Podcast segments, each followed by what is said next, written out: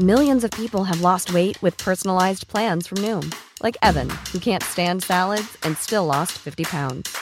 Salads, generally, for most people, are the easy button, right? For me, that wasn't an option. I never really was a salad guy. That's just not who I am.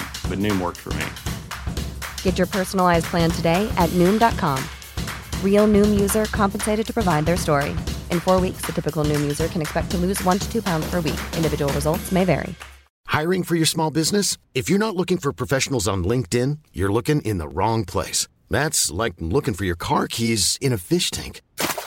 LinkedIn helps you hire professionals you can't find anywhere else, even those who aren't actively searching for a new job but might be open to the perfect role. In a given month, over 70% of LinkedIn users don't even visit other leading job sites. So start looking in the right place. With LinkedIn, you can hire professionals like a professional. Post your free job on linkedin.com slash people today. Ready to pop the question? The jewelers at BlueNile.com have got sparkle down to a science with beautiful lab-grown diamonds worthy of your most brilliant moments. Their lab-grown diamonds are independently graded and guaranteed identical to natural diamonds, and they're ready to ship to your door. Go to BlueNile.com and use promo code LISTEN to get $50 off your purchase of $500 or more. That's code LISTEN at BlueNile.com for $50 off. BlueNile.com code LISTEN. Thank you.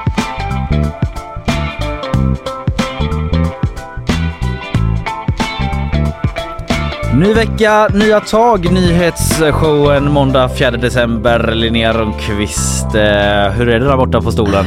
Ja, jag var beredd att du skulle sluta prata mycket tidigare så jag satt och höll andan här. Ja. Eh, det är bra tack. Jag var bara tvungen att rätta till ett litet hjul här i vanlig ordning. Ja, i vanlig ordning. Idag har vi mycket att prata om som vanligt. Jag ska börja i Ryssland där polisen stormat gayklubbar i helgen efter Högsta domstolen i Rysslands nya besked om att extremistklassa hbtq-rörelsen. Eh, vad ska du prata om? Jag ska prata om att eh, det anordnas ett evenemang som heter Snuthatets dag på Luciadagen och detta sker i kommunens lokaler. Nämen! Är detta okej? Det ska tas beslut om idag. Okej, sen ska vi också få en liten uppdatering. Vi ska uppdatera varann lite grann om mm. COP28. Eh, klimatmötet i Dubai är ju igång och det kommer nyheter hela tiden. Bland annat att Nelson Mandelas barnbarn har uttalat sig och inte heller skräder orden när hon menar på att det råder klimatapartheid i världen. Mm. Jag eh, kommer berätta för dig på samma tema då om eh, lite annat. Ett tjafs på ett videomöte kan man kalla det. Wow, mm. spännande. Och, precis, det handlar om den här Sultan Ahmed Al-Jaber som då leder COP28. Eh, han tycker det saknas forskning som visar att världens klimatmål kan nås genom utfasning av fossila bränslen. Och han är också oljeboss. Ja. Sen kommer Alexandra Turke hit, vår eh, kollega här på GP och ska prata om gettolagen. Mm. Gettolagen! Så har den hetat här på redaktionen i några Mm. veckor. I Danmark alltså. Hon har varit i Köpenhamn och snackat med folk som tvingats flytta då när regeringen vill bryta segregationen genom, genom ganska liksom radikala ingrepp. Och i Sverige så blickar ju politiker i flera partier mot just eh, Danmark då i hopp om lösningar på integrationsutmaningen. Så eh, hur ser det ut i Danmark egentligen? Det ska vi prata med Alexandra om. Sen blir det bakvagn. Sveriges meste landslagsspelare i fotboll avslutar landslagskarriären. Macaulay Culkin får en Hollywoodstjärna och är charmig under presskonferensen. Eh, Dessutom då eh, nya gräv om historien om Sverige. Ja. Är det ett plagiat eller? Meningarna går isär lite grann. Mm. Ja, jag kommer berätta om eh, Göteborgs nästa skyskrapa. Wow! Ja, det kände du inte till. Kommer Nej, du få höra det lite om. överraskade mig helt. Ja, och sen blir det Tagen lite... på sängen. Ja, jag såg direkt i dina ögon att det bara tändes en sån. Den genuina överraskningen till skillnad från den eh, fejkade. Precis. Nej, men sen blir det lite trendrapport från TikTok och eh, lite om vad Moderaterna tog ett nytt grepp i sociala medier och ångrade sig. Ja, det ser vi fram emot. Mm. Eh, hur har helgen varit då? Har du... eh, Den har varit bra tack. Alltså jag har ju i vanlig ordning träningsverk. Det har jag ju alltid nu efter helgerna för att jag håller på och renoverar och sånt. Ja, ja, just det. Eh, Ja. Och eh, nu har jag hjälpt till att flytta idag. Men, men det har varit bra. Jag har också hunnit baka och och eh, åkt eh, pulka tillsammans med en okänd fyraåring. Nej men, en Ja. okänd fyraåring. Det låter Helt ju okänd. nästan eh, Lite obehagligt. lite obehagligt på något Men det vis. var ja. hon som närmade sig mig vill jag Jaha. bara säga. Vad du var bara, bara av en händelse i pulkabacken. Ja men jag var där för att vi... Jag med min- bullar. ja precis, och en van. Nej usch vad obehagligt. Nej. Nej absolut inte. Jag och eh, en kompis eh, blev lite sugna så vi skaffade oss varsin sopsäck. Och så Mm. Ah, var det då ett barn som fortfarande var kvar ute och åkte. Och så kom hon liksom bara så här satte sig bredvid oss när vi skulle åka ner. Och så var hon så, hålla handen?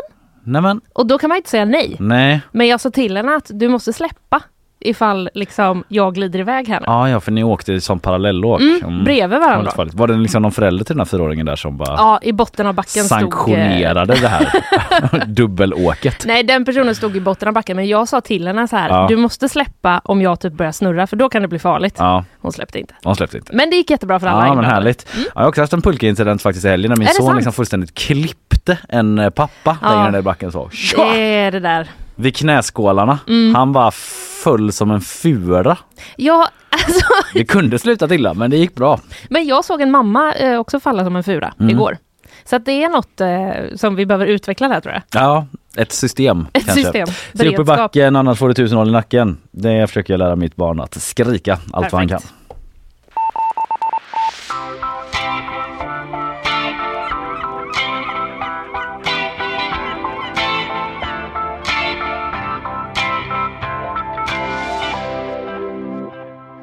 Jag tänkte vi skulle börja i Ryssland Linnea.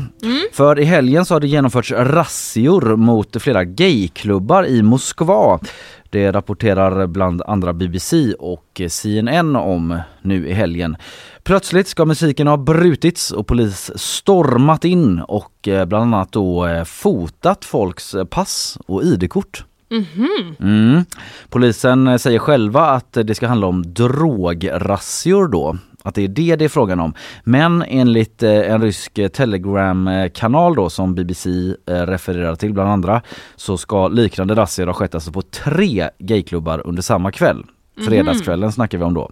Och då ska man veta då att det fredagskvällen, det är bara en dag efter att Rysslands högsta domstol stämplat eh, vad de kallar för hbtq-rörelsen då som extremistisk och förbjudit all form av aktivism från deras eh, håll i Ryssland då.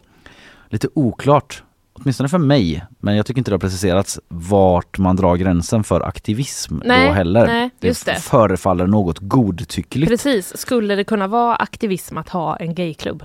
Till exempel Mm. är ju det en fråga som väcks. Och eh, det här beskedet kom då från högsta domstolen i Ryssland eh, tidigare i förra veckan och många flaggade ju just för att förföljelsen av hbtq-personer i Ryssland skulle bli ännu hårdare. Det skulle bli ännu svårare att leva som eh, homosexuell till exempel i Ryssland och att fler skulle gripas. För eh, situationen då, och man ska säga det också att hbtq-rörelsen, som de benämner det som, den liksom finns inte som en juridisk organisation heller i Ryssland. Så det är också kanske eventuellt lite godtyckligt vad man menar med det.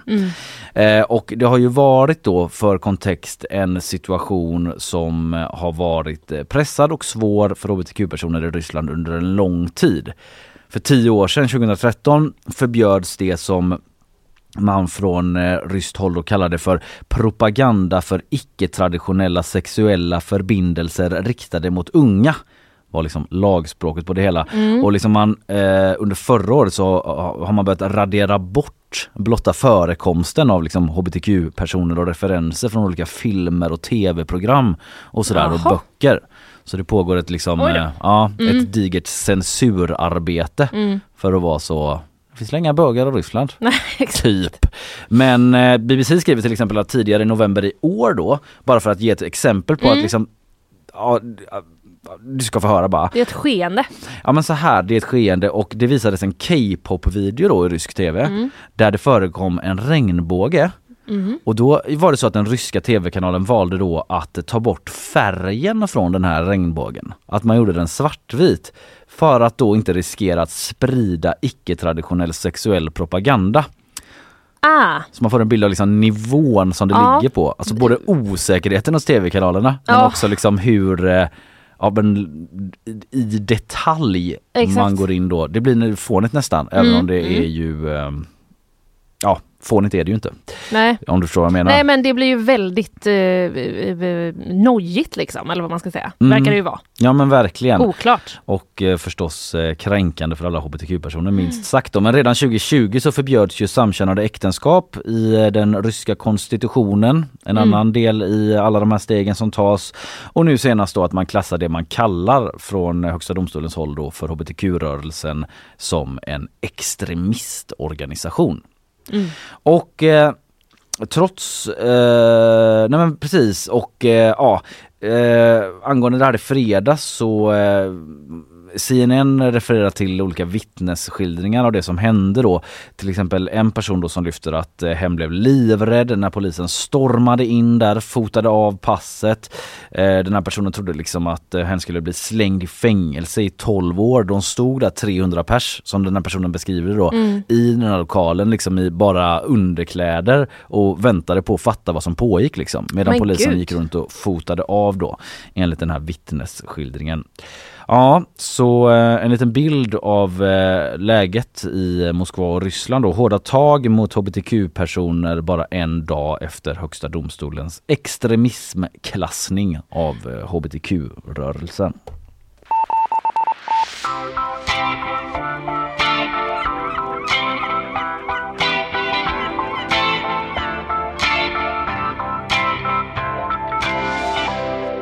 Nu ska vi till Göteborg. Det ska vi. Och eh, evenemanget Snuthatets dag. Ja, Mm, på Luciadagen så ska det då äga rum i en lokal som tillhör kommunen. på Luciadagen. På Luciadagen. Mm. Vi återkommer till varför lite senare. Okej. Det ska ske i Victoriahuset. Du känner till? Hagabion. Ha, precis, samma hus som Hagabion ligger i, eh, på Linnégatan där. Eh, aktivitet som vill piska på ett polishat är förkastligt, säger då Higabs styrelseordförande och eh, miljöpartisten Johannes Olsson. Mm. Ja, det Mm. låter ju inte som ett sånt familjevänligt evenemang. Du vet att man Nej. är där och ska se någon sån gammal barnbarnfilm som de visar. Nej. Så går man in i fel dörr. smita in på och det så står alla där bara sprayar så. Ja. Man bara move along. Ja, eh, det är föreningen då Syndikalistiskt forum som arrangerar eh, det här evenemanget och de har även haft det tidigare. Jaså. Mm. I deras verksamhetsbeskrivning läser jag i vår artikel på GP. Där står det att de vill främja arbetarklassens villkor genom bokhandelsverksamhet samt annan bildningsverksamhet. Jaha. Mm. Det låter ju som får- ett annat spår Ja, än ja. snuthatardagen. Möjligtvis kanske att det här är eh, bildningsverksamhet då, för det är ju inte bokhandel, låter det inte som. Nej. Det är det två, de två grejerna Ja, de syftar att de med. liksom vill ha, få det till bildningsverksamhet då, på Ja, något sätt. Ja, du får vara så. berätta Mm. mer vad det handlar Det här om detta. Evenemanget då, det ska pågå i tre timmar och beskrivs som eh, det citat roligaste snuthatsquizet vi har haft Mm. på forum. Ja. Och Luciadagen då. Eh, vet du liksom, har du någon känsla om varför det sker just på Luciadagen? Vill du gissa? Nej, jag har svårt att...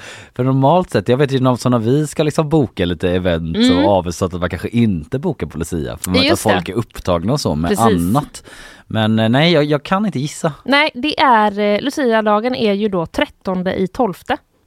Ja. Och tar man varje siffra där för sig så, och liksom översätter dem till bokstäver i alfabetet Jaha. så blir det ju eh, A, C, A, B. Ja, jag förstår. All cops are bastards. Mm. Mm. Vad fyndigt Precis. att det sammanföll med Lucia också. Ja, exakt. Det är Så har de verkligen för, för, fint för, för dem själva liksom. Ja, Ja. För Det alla liksom true snuthatare. mm, Mm. exakt. Eh, våra kollegor i alla fall på redaktionen, de har sökt eh, arrangörerna men de vill inte uttala sig. Jag kommer inte vara med på det här arrangemanget för jag jobbar utomlands. Så jag kommer inte vara där. Så jag kan tyvärr inte svara på några frågor, säger ordföranden för Syndikalistiskt forum. Jaha, okej. Kommer Mm. inte vara där själv alltså? Nej, Bara, jag ska bara ha det här superkontroversiella som de allra flesta tycker är helt förkastliga evenemanget men eh, nu drar jag. ja, jag, Jag jobbar utomlands nu. Ja, Ni löser det precis. Kommer eventuellt vara med på zoom. Precis, Mm. exakt. Eh, nej men eh, våra kollegor då har också ringt upp en annan styrelseledamot som säger då att eh, de brukar inte kommentera sina evenemang. Eh, liksom utåt. Låt evenemanget tala för sig själv. Mm. Mm. Och eh, hänvisar då reportern till att skicka ett eh, mejl. Och det här evenemanget då, det är ju känt av flera politiker i stan. De Okej. känner till att det här ska ske. Det finns ett mejl då som en privatperson har skickat och där finns bland andra då Jonas Attenius med som eh, mottagare. Alltså socialdemokrat och eh, kommunstyrelsens ordförande. Just det. Eh, han hänvisar till Higab. Mm, Higab som är då ett fastighetsbolag som ägs eh, helt och hållet av Göteborgs stad. just det. Och styrelseordföranden där är ju Johannes Olsson, som vi hörde tidigare. Ja, Han okej. som tyckte att alla former av aktivitet som vill piska på ett polishat är förkastligt. Ja, ja, det är därför han får uttala sig här ja. Precis. Mm. Mm. Higab hyr ut lokalerna här ja. Exakt. Mm. Och de hyr då ut eh, det här Victoriahuset till en förening som heter Föreningen Victoriahuset. Eh, ja, ja, Mm. okej. Mm. Och sen består den föreningen då i sin tur av flera olika föreningar Ah. som har eh, olika rum. Du tar ofta med oss på en liten skola i hur det fungerar I med upplägg och olika struktur. upplägg och struktur Ja, för tycker- kommun och stat. Ja, jag tycker ändå Det det, har något, jag. det liksom eh, hör till här när man Mm. då, när vi kommer till nästa steg som är då, eh, får man ha den här typen av evenemang Ja, det kan i man kommunens fråga sig. fastighet? Ja. Det är ändå Är det verkligen... något som liksom eh, vi, de ska ha i de här eh, husen? Eh, och då vill jag ju bara peta in då också att Syndikalistiskt forum är ju då en av de mindre föreningarna som hyr en lokal. Okej, Victoriahuset. okej. Mm. Ja, ja. Men det, du, är du med på hur det funkar? ja, jag tror det. Mm. En större förening hyr och sen Ja. är det små föreningar som hyr in sig. Ja, Mm. och då är de en av den. Precis, precis. Eh, och då eh, är ju frågan då, får man ha den här typen av evenemang enligt eh, staden? Johannes Olsson, han säger att det finns en tydlig bilaga i hyresavtalet som klargör vad som gäller när man hyr en lokal av staden. Låt höra, vad står det i bilagan? Vet du, det framgår faktiskt inte av artikeln. Okej, men det skulle... Vad Men det- menar han då? jo, men han säger, han säger att eh, de har ju speciella regler då i alla fall. Ja, Men det är ännu oklart då om snuthatets dag strider mot de reglerna. Jaha, då måste man liksom konsultera bilagan och reda ut. Precis, det måste man ju eh, liksom diskutera kring och Ja, läsa och se. Eh, och idag då på måndag så kommer delar av Higabs styrelse att träffas. Och enligt då Johannes Olsson så kommer det här eh, evenemanget vara en självklar punkt på dagordningen. Ja, ja, så vi kommer få besked idag sannolikt, sannolikt då. Ja men det förväntar jag Ja. mig ändå att det kommer. Eh, och han får också frågan av eh, reportern, så här, kan ni förbjuda det här evenemanget? Kan Mm. det bli så att ni gör det? Det vi kan göra är att gå på förstahandshyresgästen, i detta fall föreningen Victoriahuset. Ah, Men det är klart att Victoriahuset som hyresgäst också har ett ansvar för vad deras andrahandsgäster gör. Så är det såklart. just det, så de skulle kanske kunna sätta stopp för det i sin tur. Ja, möjligtvis. Eventuellt. Det är, liksom en, det är liksom en trappa här vi går upp och ner. Mycket Eh, intressant mm, mm. Vad, eh, vad som blir eh, the outcome av det här Exakt. mötet. Men möte idag alltså Ja. i Higabs eh, styrelse. Strider det eller strider det ej? Vi eh, väntar med spänning på besked.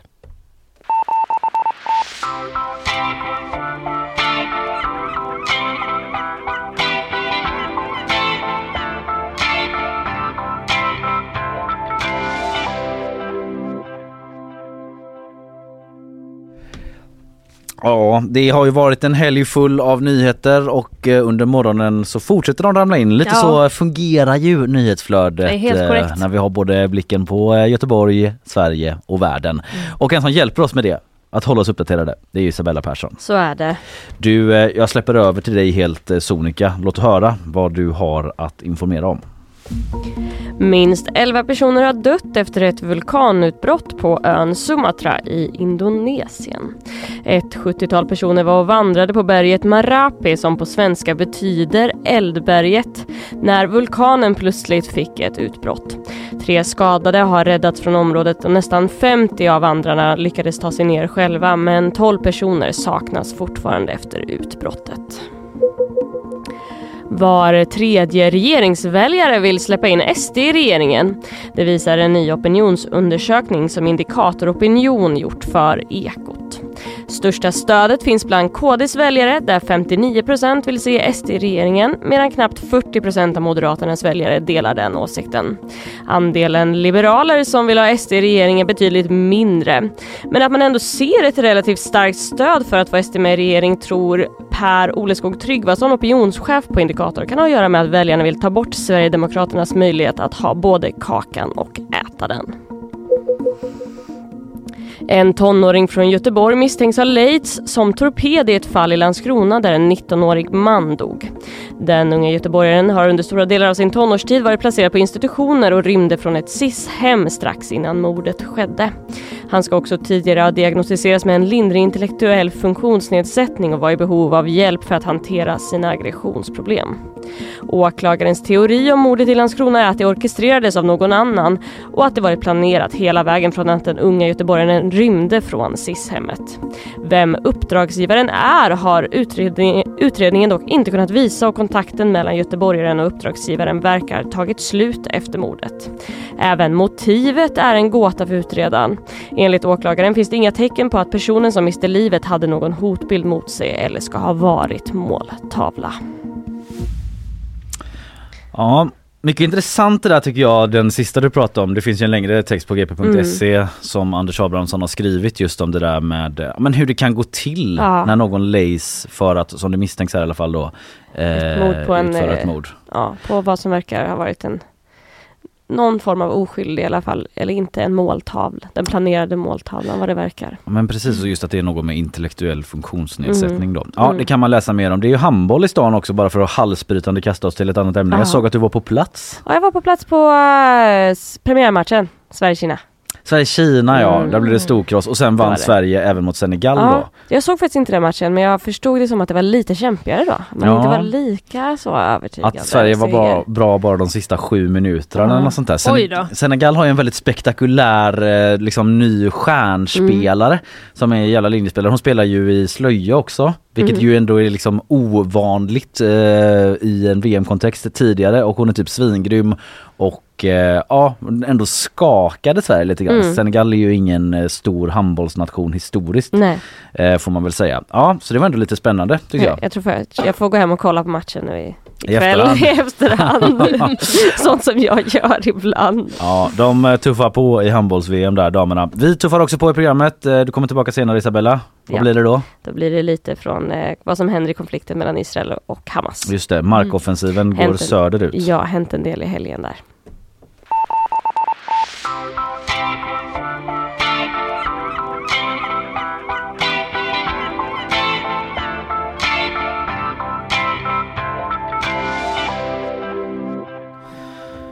Klimattoppmötet COP28 mm. Det pågår ju nu. Ja det gör det. Nere i Dubai.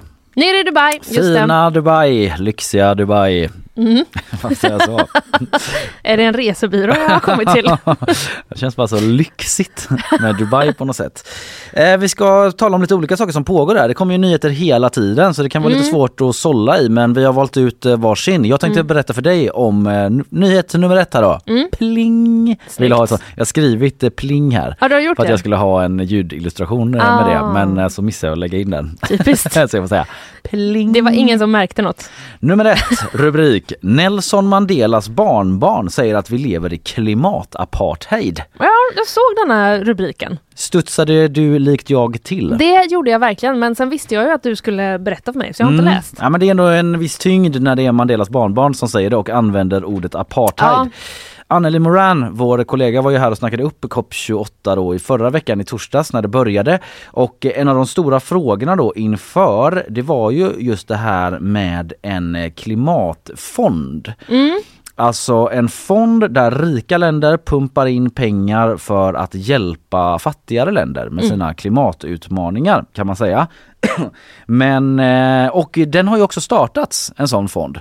Det ah. möttes ju Al-Jaber som du ska prata om sen, ja, eh, mötets ordförande, eh, oljebossen och eh, ministern i regeringen där. Han han möttes ju av stora applåder då när han kunde liksom lansera den här klimatfonden och att nu hade folk börjat pumpa in pengar. Eh, och eh, det har ju skett men man är ju liksom inte alls uppe i den, eh, de summorna. Nej just det. Som, eh, som åtminstone alla vill efterfrågas. se. Ja, Endelika, Endeleka Mandela reservation lite för uttal på hennes mm. förnamn där ska jag säga men alltså Nelson Mandelas barnbarn hon intervjuades av BBC och andra och sa att Afrika och den globala södern, som man brukar tala om ibland som ett samlande namn då, står för en minimal procent av koldioxidutsläppen. Och hon menar då att eh, systemet som hennes farfar, alltså Nelson Mandela, kämpade emot innebar just att en styrande minoritet utnyttjade och kränkte en stor majoritet av främst svarta personer. Och nu händer det igen menar hon, fast i global skala. Uh, vi ska se här uh, om vi kunde lyssna på henne. Ah, nu hittar jag inte det, här har det gått alldeles för fort för mig. Mm. Men uh, hon pratar i alla fall om just det här att det liksom pågår ett klimat apartheidsystem då där eh, rika länder använder sin ekonomiska makt för att förtrycka fattiga länder. Mm. Och eh, det som sker, eh, men det som ändå sker då som jag var inne på det är att flera länder pumpar in miljarder dollars i den här klimatfonden. Eh, det sker, men mm. för den är väl ganska ny? Alltså, eller?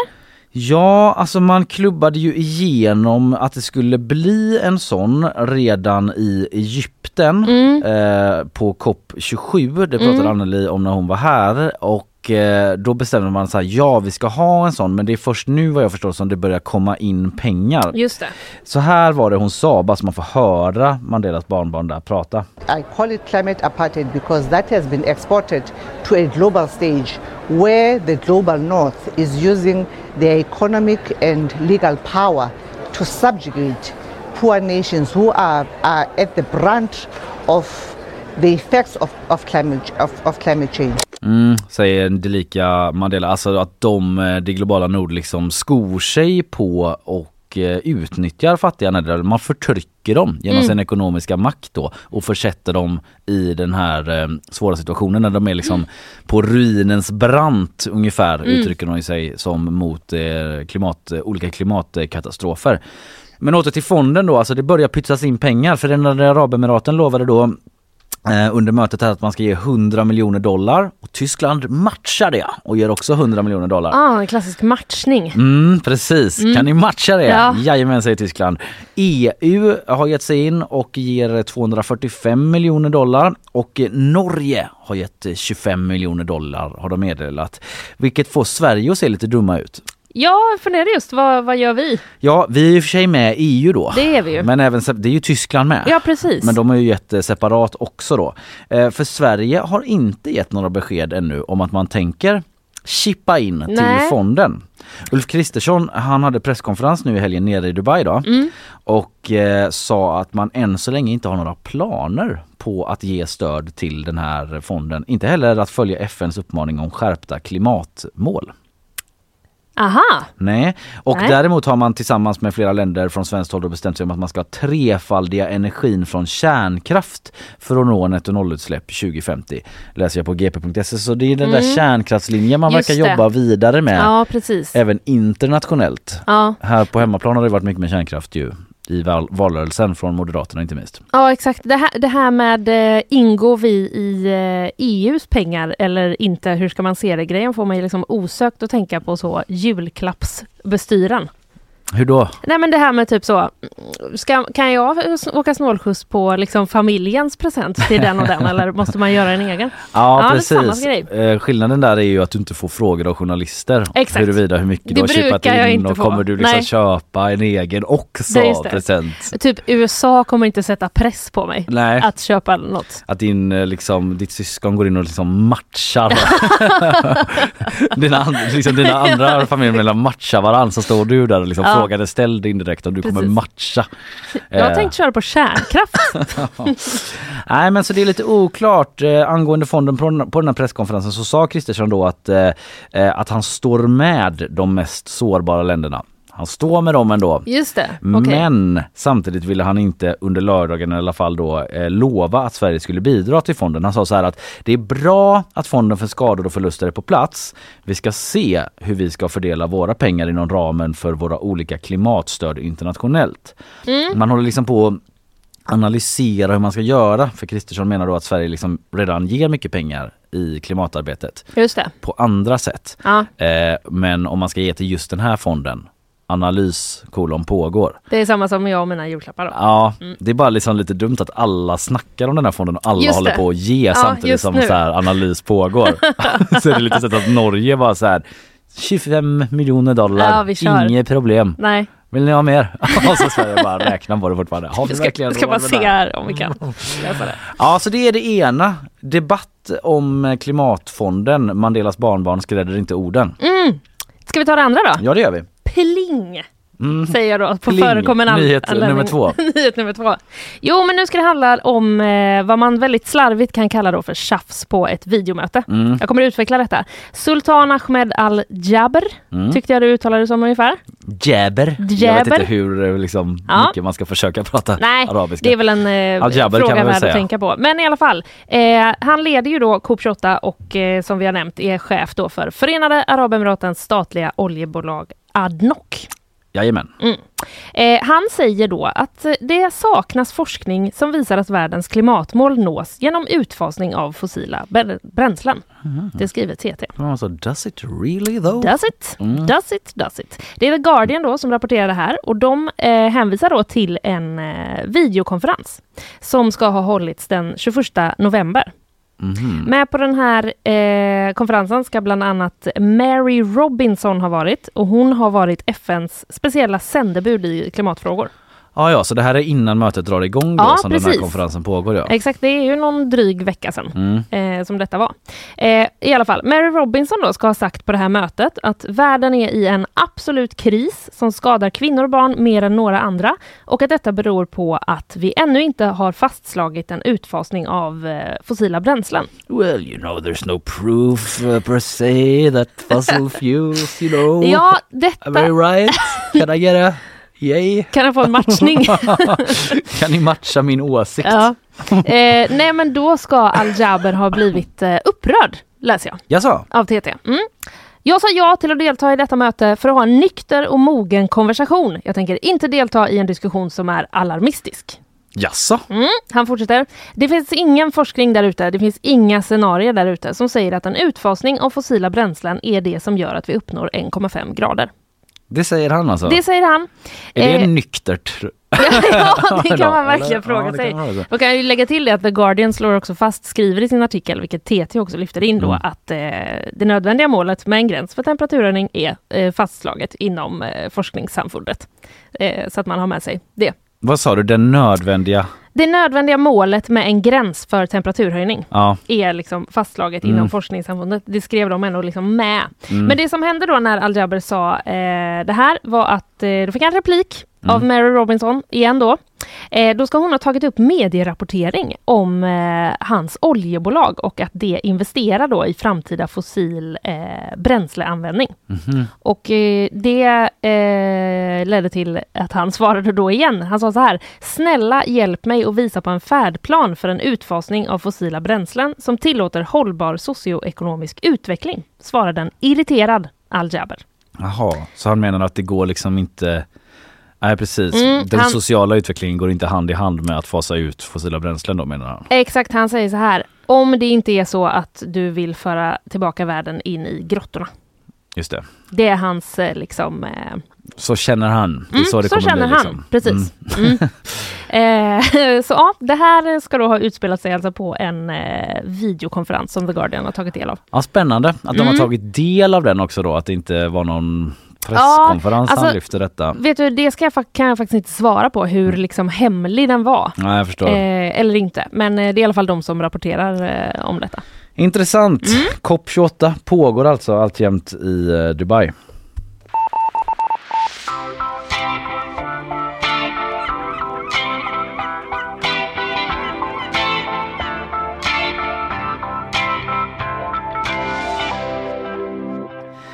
Du, i förra veckan så pratade ju jag om att Socialdemokraterna släppte den här rapporten där de eh, var väldigt självkritiska mot sin egen integration och sådär. Mm. De tyckte att eh, man liksom anpassat sig för mycket efter SD. Man var rädda för att prata om integrationsutmaningarna, hur vi löser segregationen och så. Men nu ska Mm. det bli ändring på det. Och då ska de bland annat titta på hur man gör i Danmark. I Danmark så är det ju sossar som bedriver liksom integrationspolitik eh, på sitt vis. Och eh, hur är det då i Danmark? Ja, det undrar man ju. Det undrar man ju och en som har varit där för att undersöka detta är Alexandra Turku, vår kollega på GP. Hon har skrivit om eh, den eh, så kallade gettolagen Mm. eh, som eh, de danska myndigheterna använder då för att liksom råda bot på segregationen genom att flytta folk från sina bostadsområden på olika sätt. Det är ett paket av olika lagar.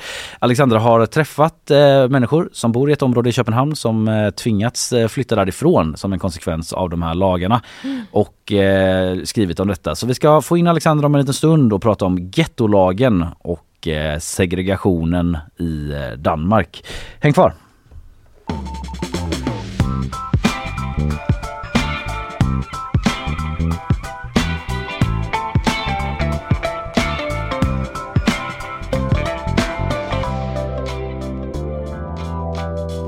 Mörkret ligger ännu över Göteborg i denna måndagsmorgon. 07.35 är klockan eh, 4 december. Mm. Linnea Rönnqvist, Såg du snön i ansiktet på vägen hit? snön i ansiktet Ja, på mina medmänniskor. ja. Eh, nej, men jag såg den på marken. ja du såg det på marken. Okej. det låg ju Ja, eh, den låg kvar där. Eh, hej, god morgon skulle jag säga. Ja, det är jag. Ja, Linnea Rönnqvist heter du och jag som talar om snö och jag heter Kalle Berg. Och eh, i Sverige, förutom att det snöar då kanske man blickar mot snöns eh, ansikte, det symboliska, så blickar ju även politiker mot Danmark eh, när man talar om integration och hur vi ska lösa segregationen. Så hur ser det egentligen ut i Danmark då? Vår gäst idag har varit i Köpenhamn och pratat med med boende som fått flytta från sina hem som en konsekvens av den så kallade gettolagen som eh, nu bytt namn, det kan vi prata om också, men vi ska snacka om vad den här lagen handlar om, hur den är tänkt att minska segregationen och hur den drabbar då de som bor i de här områdena som den gäller. Välkommen hit GPs eh, reporter, vår kollega Alexandra Turku, god morgon! God morgon, God morgon. kul att vara här. Ja, kul att ha dig här som vanligt. Du har ju gästat oss tidigare för eh, vana lyssnare. Men du Alexandra, om vi börjar sammanfattat, gettolagen. Vad är det Ja. för någonting? Så 2018 införde eh, Danmarks regering en lag som heter gettolagen.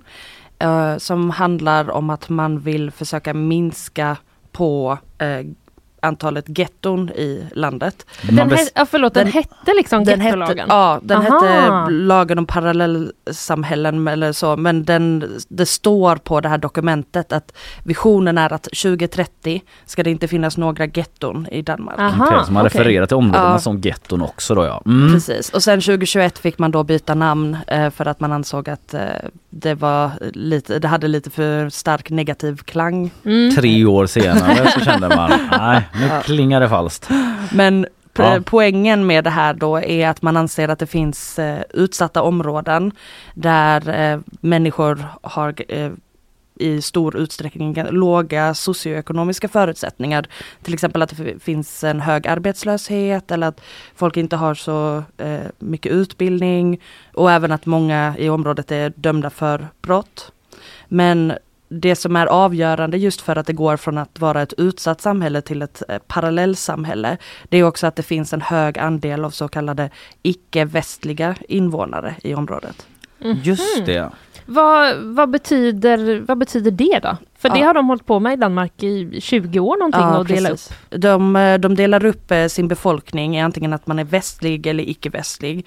Man säger att det är liksom för statistik eller så, men det har ju även mer konkreta effekter som till exempel med det här eh, parallell, eh, parallellsamfundslagen. Mm. Eh, men man kan säga att är du, eh, är du född i Danmark eller i ett EU-land eller EES-land eller Kanada eller USA så räknas man som västlig. Mhm. Eh, och alla andra länder är icke-västliga. Men det som blir lite kontroversiellt är att du kan vara född i Danmark och uppvuxen i Danmark. Men om dina föräldrar till exempel har flyttat till Danmark senare eh, från ett icke-västligt land, då kan du fortfarande räknas som icke-västlig. Mm. Mm. Och det är den här punkten då som är den stora avgöranden ifall det är ett gettoområde eller inte. Precis. Mm. Det, blir, eh, det blir ju en kombination med de här Ja. faktorerna. Mm. Men det är också om det finns en för hög, för hög koncentration av eh, icke-västliga i området. Då ser man det som att det är ett parallellsamhälle som har en för låg integration. Mm. Och då kan ganska radikala åtgärder vidtas då utifrån eh, ja, ett svenskt perspektiv i alla fall. Det, finns inte liknande åtgärder här ännu. Du har pratat med en kvinna till exempel som bor då i Mjölnersparken Mm. i Köpenhamn som eh, ja, till alldeles nyligen var ett sånt här eh, område då. Eh, men vad, berätta om det området, vad är det för område? Ja, det är ett område som i flera år klassats för ett så kallat hårt getto, men som man idag kallar för ett parallell, parallellsamhälle. Eh, och då menar man att det just finns en hög andel av invånare med sådana här förutsättningar eller låga socioekonomiska förutsättningar. Och efter en viss tid, om man hamnar på den här listan, så kan regeringen införa vissa åtgärder eller kräva att vissa saker sker i det här området. Och eh, i Mjölnerparken så finns det eh, ganska många allmännyttiga bostäder, vilket är en slags bostad som man har en kontrollerad hyra så att det inte blir för högt. Det ska Mm. vara lite till för alla. Just det. Eh, Så en av de här åtgärderna är att man kan säga okej, i det här området ska vi sänka antalet allmännyttiga bostäder med 60 procent. Och det kan man göra, man kan göra om dem till studentboenden, man kan göra om dem eh, liksom till Bostadsrätter, äldreboende, ja, typ. sälja dem privat, eh, riva dem. Men vad man har valt att göra då i Mjölnerparken är att sälja hälften. Eh, Men då är poängen att man ska liksom mixa upp demografin där då, Ja. att det ska bli liksom även bättre bemedlade som flyttar in eller alla typ studenter, alltså blanda. Mm. Man ser det som att det här är ett sätt att öka integrationen genom att blanda bostadsförutsättningarna. För det, man, har, man ser det på något sätt att eh, de här allmännyttiga bostäderna genererar, eh, jag vet inte, att Mm. man, det, det hänger ihop helt enkelt. Mm. Ja men det har man ju haft liknande diskussioner i Sverige ändå om Ja. att liksom, ja. Mm. Okej men eh, Ja, eh, den här Hanna då, som du har pratat med. Hur har den här eh, lagen drabbat henne? Ja, så ho- hon bor i en av de här kvarteren som nu ska säljas eh, till en privat ägare. Ehm, och eftersom att hon inte har bott i området tillräckligt länge så kommer inte hon få liksom förtur till att få flytta tillbaka. Så Mhm. hon måste flytta ut ur sitt boende och hon var en person som kände sig väldigt ledsen över det här. För hon var i 60-årsåldern och hade verkligen trivts i Mjölnerparken. typ och, hennes barnbarn Ja. bor där och eh, ja. Barnbarn och familj bor i närheten och de var också jätteledsna över att hon behövde flytta. Men hon sa det som att jag såg det att jag skulle bo här resten av mitt liv. Hon nu- trivs väldigt bra där också. Ja, Mm. jättebra. Hon upplever det inte som liksom utsatt område på det sättet ver- verkar det som. Nej, alltså det är många, det är en del personer som vi pratar med i Mjölnerparken som ändå pratar om en väldigt varm gemenskap, att alla känner alla och att de inte alls delar den här politikernas bild av att Mjölnerparken skulle vara något sådär hårt kriminellt getto där ingen känner sig säker. Mm. Men det är lite den bilden det har fått utåt. Mm, just det. Men eh, för det är ju då som du är inne på att det är vissa som inte känner igen sig i den här bilden då och eh, gör motstånd mot Mm. de besluten som eh, har tagits. Till exempel en kvinna som du pratat med som är med och stämmer den danska regeringen. Mm. Vad säger hon? Ja, hon, eh, de har, det är nog ett antal boende i Mjölnerparken som har valt att eh, stämma den danska staten för det här beslutet för att de menar att eh, hela lagen skulle vara bottna i någon etnisk diskriminering. Mm. Eh, så de driver detta nu i EU-domstolen. Det kommer fortfarande dröja nog ett tag, kan vara ett eller två år innan vi ser något beslut.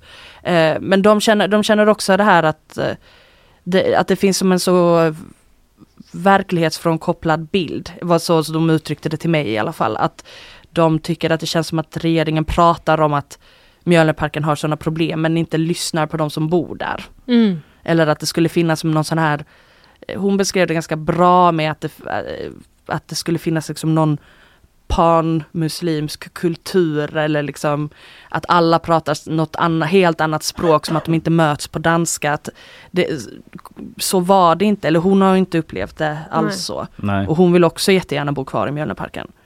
Mm. Men vad, hur, rent politiskt, hur ser det ut då? Tycker liksom alla partier att det här är vägen att gå eller finns det olika åsikter? Så när det röstades igenom i danska folktinget så var det med en ganska bred majoritet från Mm. olika Mm. partier. 2018. Ja precis och då var det ju en liberal konservativ regering som röstade igenom det. Men det är ju Socialdemokraterna nu som driver det vidare. Mm. Jag vet att det är, en, det är några, framförallt kanske mindre partier på vänsterkanten som inte riktigt tycker att det här är bra förslag. Mm. Men det känns ändå som att det är det här man går vidare med Mm. nu. Det nu är- kör vi på ja. liksom. Mm. Det är intressant för att det hela tiden blir som att titta in i en liten spåkula eh, om hur det skulle Mm. kunna bli i Sverige nu när sossarna Mm. så uttryckligen eh, eh, blickar mot Danmark. Och de har ju varit där och besökt eh, Magdalena Andersson till exempel eh, i Köpenhamn. Vi kan återkomma till det kanske. Men man undrar lite bara hur det funkar. Du har varit inne på det då men att eh, poängen är ju då liksom att blanda upp befolkningen typ. Liksom att man ska få olika socioekonomiska skikt i de här områdena. Alltså rent juridiskt, hur funkar det? Man kan väl inte bara tvinga någon att flytta eller hur fungerar Nej, det? det, men det har varit, det har varit eh, så här successiva steg kan man säga. Mm. Eh, dels, det, blir lite så här hyreskontrakt hit och hyreskontrakt dit. Men det handlar om att man först har börjat inte ge människor löpande kontrakt utan att man börjat ge dem temporära kontrakt som man kan säga upp Mm. för att förbereda sig för detta. Sen de som har bott längst i området och som bor i sådana här allmännyttiga bostäder och har permanenta kontrakt eller vad man ska säga löpande kontrakt. Eh, de måste man erbjuda en ny bostad i Mjölnerparken. Mm. Vissa av dem kommer kunna flytta för man säljer två av fyra block. Just det, Och- man säljer ut de Mm. allmännyttiga till privata då. Precis. Ja. Mm. Så hälften av de här kommer fortsätta vara sådana här mer tillgängliga lägenheter. Men den andra hälften, måste man då liksom köpa lägenheten? Eller Jag tror liksom? det blir privat hyra men det, Ja. risken är ju att hyran höjs. Ja, det Om man det, gör en jättestor renovering i området. Så att man Vissa ser det här som någon slags tvångsgentrifiering. Mm. Mm. Och att det på det sättet ska driva upp allting. För det ligger otroligt centralt i Köpenhamn. Eh, Det är ett, alltså Nörrebro är ett väldigt attraktivt område. Mm. Eh, och hyran är otroligt låg i det området. Just för de här allmännyttiga bostäderna. Mm. Så det finns en del som kommer kunna flytta tillbaka. Antingen till en tidigare slags lägenhet som de haft innan. Eller till de här dyrare, eller privatägda åtminstone. Ehm, Men han, Hanna som du hade träffat, hon hade inte bott där tillräckligt länge för att, eh, nej, för det, att få detta. Så hon får lösa det på något annat sätt då? Eller? då, de erbjuds andra kontrakt också. Mm. Men, men det kan vara i andra områden. Så man spri- de, till exempel hon kände sig väldigt ledsen över att alla de grannarna som hon känner så bra, som man Just sitter det. på balkongen med och hänger och Mm. dricker kaffe hos varandra på morgonen. De kommer nu spridas ut över hela eh, liksom Danmark men Mm. Köpenhamn främst. Mm. Och sen får vissa så här bara temporära kontrakt så att de kanske ska bo ett år här och sen måste de flytta igen, sen ett år där. Ah. Mm. Och det kan också vara ett, så här, eh, alltså vissa kände att "Nej, men då, då får jag lösa det på egen hand för jag orkar inte Nej, det. flytta. Flytta runt Ja, och Det igen och blir igen. besvärligt. Men du lyfter också ett exempel som är Odense, eh, Danmarks tredje största stad och där handlar det om eh, vilka människor som bor i ett visst område som har så kriminell belastning Mm. på olika sätt. Kan du inte berätta lite mer om det?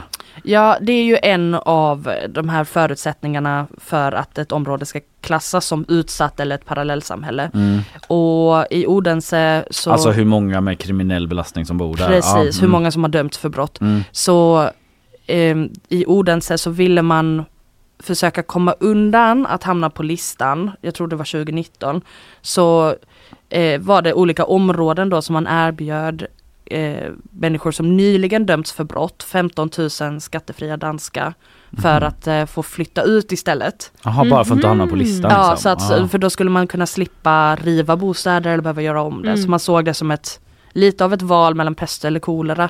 Men eh, och det ansågs kanske också vara lite kontroversiellt att man gjorde så, att man gav För annars hade man varit tvungen att riva hus alltså och Ja, då hade det- det kostat också. ja. Liksom. Ja. Men det har man ju gjort en del i Odense nu ändå. Jag vet att man river, man har rivit en del byggnader och eh, man, man jobbar ändå, det finns eh, ja, något område i alla fall Mm.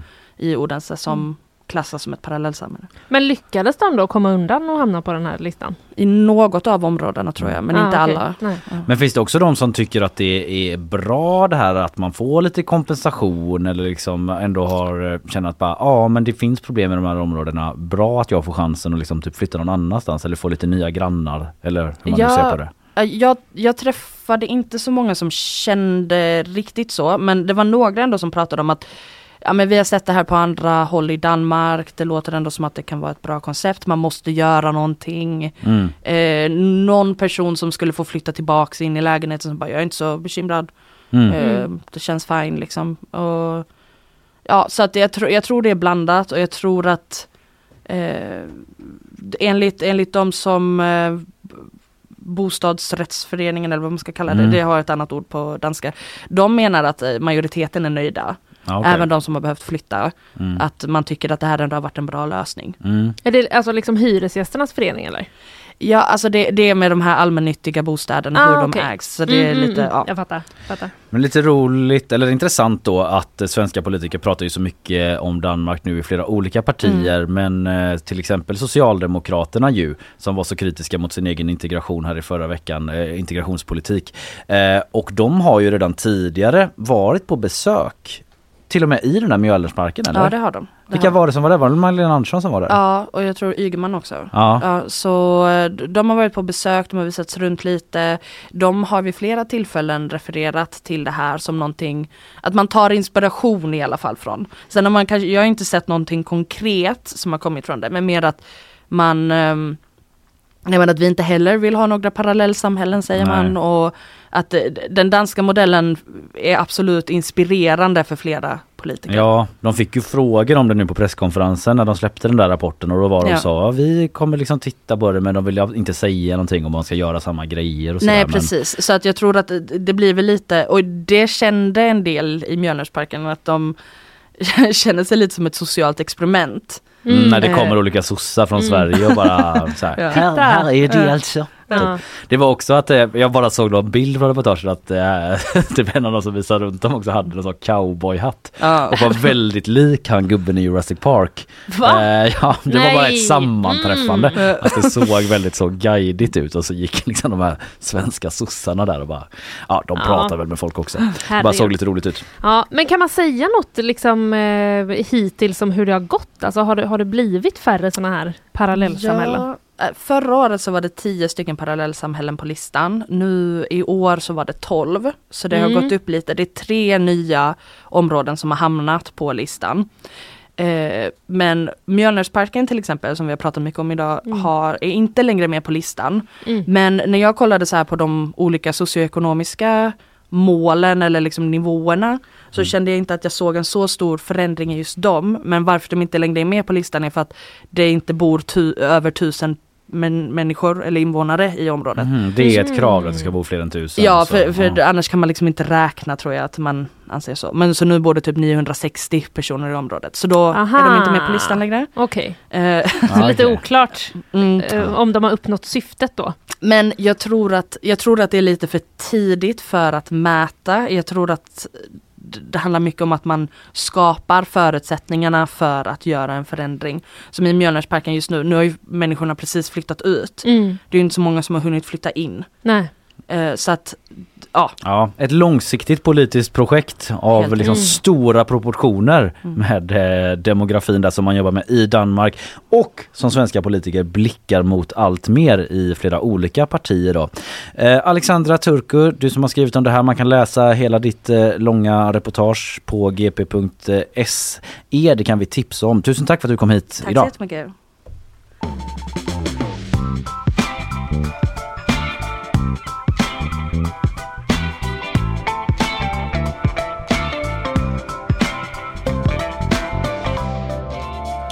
Här sitter du och tänker på Malmö, Ja, Linnea. det gör jag. Får varma känslor i bröstet. Det liksom finns en, en, parallellt, eh, en parallell verklighet där du lever som någon sån eh, lite komiker, kulturarbetar-tjej i Malmö liksom. Det kan, ja, det kan man väl säga har hänt Ja. förr i tiden. Ja, det Mm. har hänt men nu är du journalist i Exakt, Göteborg. Och nu det är är jag bara vi här. glada för att vi får träffa dig här varje dag. Och även dig Isabella Persson. Ja, jag är också här. Du ska hjälpa oss att flytta blicken mot Gaza. Ja, jag tänkte bara börja. Vi börjar här i Göteborg. Mm. Vi ska till Gaza alldeles strax. Men jag vill också bara berätta att det har varit en brand här under morgonen i Lövgärdet. På en, där en restaurang började brinna och när räddningstjänsten kom på plats där så var det en fullt utvecklad brand. Den är nu släckt men man misstänker att den här kan vara anlagd.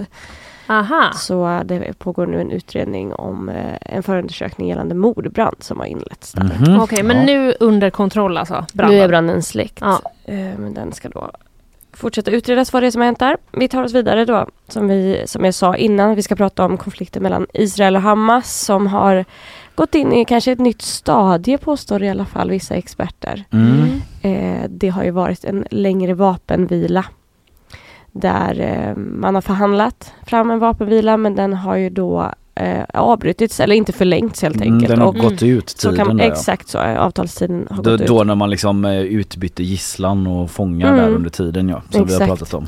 Nu har eh, israeliska eh, marktrupper eh, och även strider förflyttat sig ner till södra Gaza. Tidigare har ju striderna pågått främst i de norra delarna. Mm. Eh, nu rapporteras det här under morgonen att det är intensiva bombningar även i, här, i de södra delarna av Gaza. Då, I det här området. Det pratas bland annat om en stad som heter uttal men Khan Yunis, Mm. Yunis eh, där det ska ske bombningar. Eh, och det kommer även eh, rapporter från eh, talesperson från Unicef att det är de värsta bombningarna i regionen sedan kriget startade som kommer rapporter om här under morgonen. Den här staden är också intressant. Det är SVT som rapporterar att Israels militär uppger att Hamas ledning ska vara baserad i den här staden. Aha. Eh, man ska ha släppt flygblad över staden då som man gör till civila. Uppmanar dem att ehm, Evakuera. evakuera, flytta på sig för att Mm. här kommer det liksom strider att pågå nu.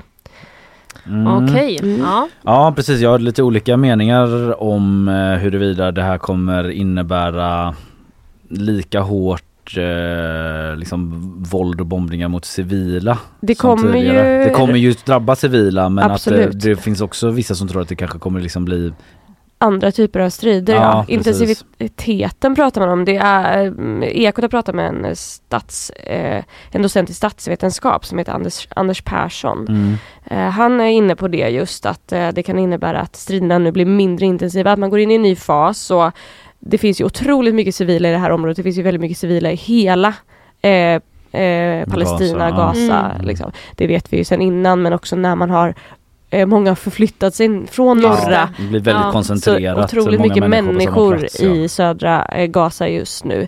Och eh, just att det här kan ha eh, påverkan då på hur striderna kommer fortlöpa.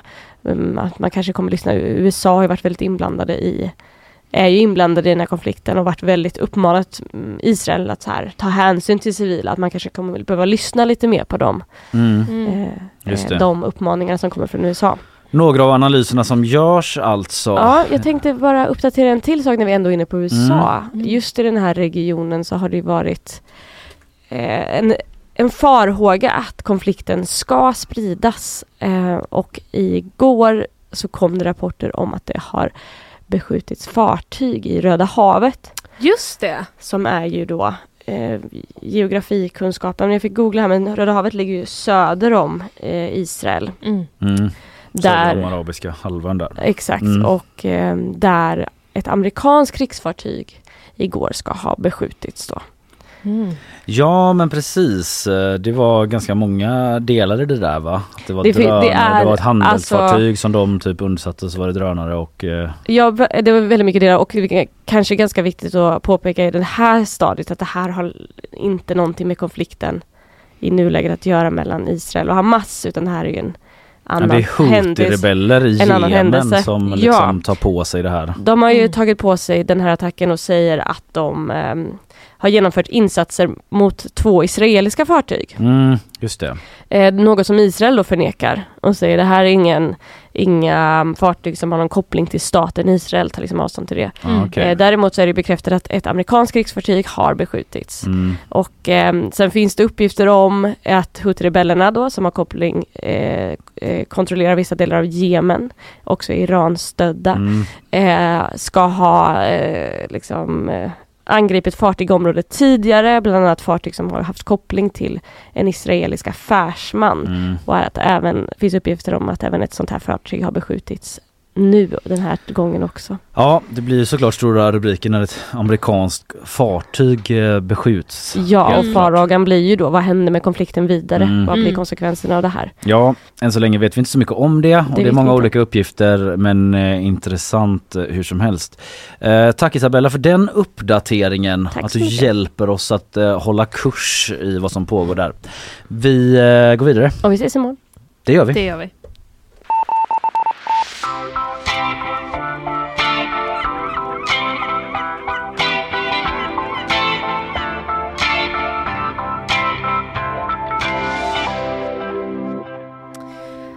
Nu har vi kommit fram till eh, det här som fick dig att tändas en liten gnista i dina ögon i början av programmet. Ja vad var det nu igen? Har du glömt Nej det? jag kommer ihåg, det var en, Göteborgs senaste skyskrapa. Ja! Det är en ny skyskrapa Vilken är den? Var ska den ligga? Hur lång hög ska den vara? Vem bygger den? Alla de här frågorna. Så mycket som möjligt av det här ska jag försöka svara på Ja. eh, nu jag känner pressen. Du, vi är på Masthuggskajen. Ja! Mm. Känner du till detta? Det ska ju Ja. utvecklas en hel, eh, hela längs med där så ska det ju hända en jävla massa grejer. Mm, och riva kommersen och så. Folk var så nej, inte kommersen. Man kände bara kanske kommersen ändå. det är inte så mycket som händer där hela Nej, tiden. Nej, Men jag ska precis. inte lägga någon värdering, eller jag eh, håller mig. Jag kan bara väga upp då med att jag en gång köpte en eh, filmaffisch med Bruce Willis där som jag har älskat Ja. i många, många år. så, olika eh, bilder av olika bilder, kommersens ja. betydelse Precis. för göteborgarna. Men det ska ju byggas en halvö Ja, vid Matthuggskajen. just det. Det känner du till? Det ringer Mm, någon liten klocka det i det. bakhuvudet. Ja, det är ju sånt här som tar väldigt många år. Därför så eh, har man det inte så färskt kanske. Nej, Men man har hört det någon gång. lågintensivt plingar klockorna. Precis, exakt. bakhuvudet. Ja, eh, och nu handlar det då om eh, ett av de mer spektakulära projekten, läser jag på Mm, g.se. Det är kontorsskrapan Global Business Gate. Mm. Känsla? det låter... eh, Du alltså, lät lite besviken. Det låter som att det ska ligga i en eh, väldigt liten stad.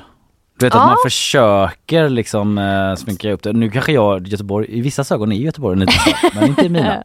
Eh, men det är också för att, det, att den heter Gate, så att jag tänker på det Dragon Ja, Gate. det gör jag Mm. med. Jag tänker direkt att det ska ligga vid en avfart på, från E6 Ja, någonstans. det är nog Dragon Gates fel Jag tror att det. man får de konnotationerna. Jag tror att det är det. Men eh, den här eh, skrapan då ska i alla fall byggas på den här nya halvön som ska gå 100 meter ut i Göta älv. Mm. Wow, då är det inte långt kvar till Hisingen. som. Nej, exakt. Det blir väldigt smalt där för alla Ja. som ska eh, förbi. Det finns bilder på gp.se. Eh, Vad är det du säger? Mm. Surfar in? Ja, det gör du snabbare än snabbt. Ja. Eh, och, men jag ska försöka beskriva den också för, eh, för lyssnare. Den Mm. ser ut på såna här liksom bilder, visionsbilder kanske man ska beskriva Ja, det som. Då tycker jag den ser ut att vara ungefär lika hög som Hotell Draken. Mm. Eh, och den står liksom, om du står på Järntorget, titta mot Hotell Draken så är den precis bakom där. Kommer den att ligga. Ja just det, där Mm. det redan ligger lite andra eh, Ja, av olika Exakt. slag nu. Mm. Mm. Eh, den är ju eh, väldigt, väldigt mycket glas på fasaden och så kommer jag aldrig ihåg om det är konvex eller konkav. Vilket är det som är som en sked? Eh, konkav va, går väl inåt. Vi chansar på Och det. konvex växer, Växer utåt, utåt. brukar jag ja, tänka. bra. Mm. Mycket bra. Just det, en sked är ju olika på sidorna. Ja, Kom just jag det, på. det lite Så jävla på. dåligt. Hur man håller eh, så. Vilken sida man tittar på. Men Men, så är den i alla fall. då, ja. Den är liksom lite inåt. urgröpt Mm, kan man säga. det. Men man kan se... Eh, Väldigt fräck lobby ser jag här nu när jag har surfat in också i visionsbilderna. ja, du tänker på furuborden där eller? Furuborden? Ja, på bild fem är det ett helt gäng furubord ser det ut som. Ja, det har inte ens kommit dit än. Nej. Furubord! Ja, Ja. jag tyckte du sa bord. Som att de hade som olika bod. friggebodar där. Ja, nej. Ja, nej, ja. Nej, eh, lite, lite turkosgrön ser den ut att vara. Men det liksom verkar bli världens business-samhälle där. Mm. Här är nästa visionsbild är det en sån vacker eh, skridskobana också utanför. Det vet inte jag om det är arkitekterna som bara liksom, så skulle det kunna vara. Oj, ja, det har inte jag Det ser sett. lite så Rockefeller Center ut är det väl i USA där de har den här stora gamla köpcentret och så åker man eh, rull, eller eh, skridskor, vanliga skridskor utanför. Ja. Att det kanske är lite det man vill åt där. Skulle vid, kunna Masthuggs, eh, eh, ja, vid gamla, ja, Mm. där eh, kommersen låg förut verkar de har lagt in en eh, isrink här nu då. Jaha, ser man på. Men inga Bruce Willis posters höll jag på att säga. Eh, du, 2027 läser jag att den ska eh, stå klart. Ja, I alla fall. Men det verkar ju vara då, eh, ja men som sagt en kontorsskrapa. Eh, mm. Vi fortsätter ju att eh, fascineras av byggnader av alla dess slag Ja, i den här stan. Det är lite av Satan. nyhetsshowens hjärtefråga. Satan vad de bygger i den här stan.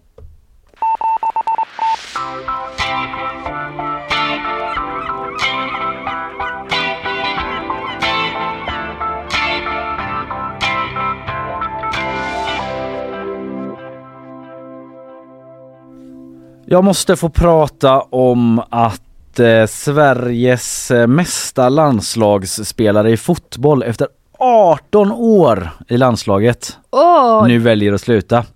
Jag talar om Caroline Seger. det kommer en tid för allting och, och nu är det tyvärr min tid.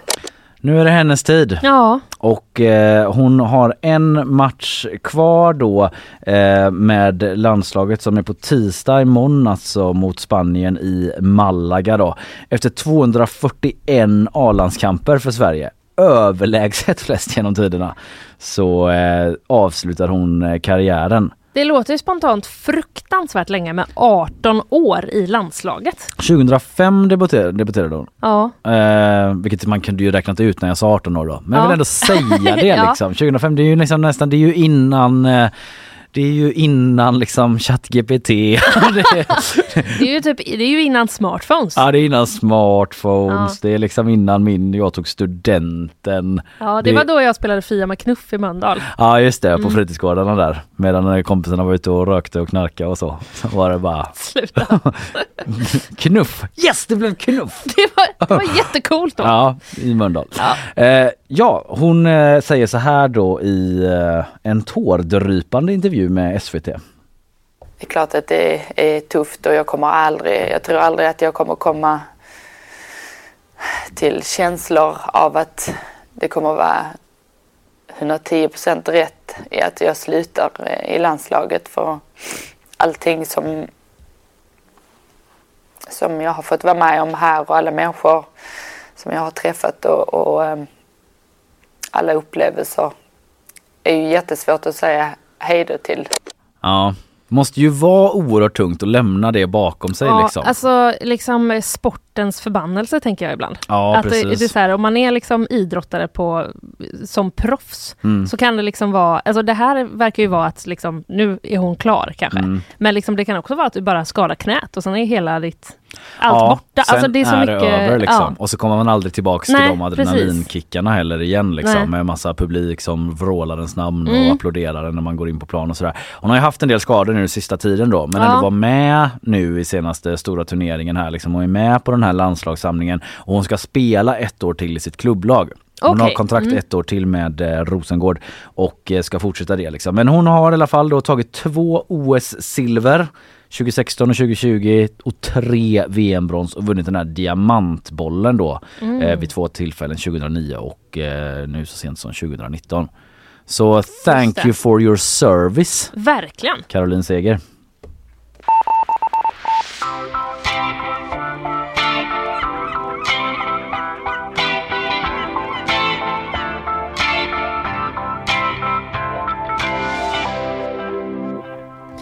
Nu till TikTok.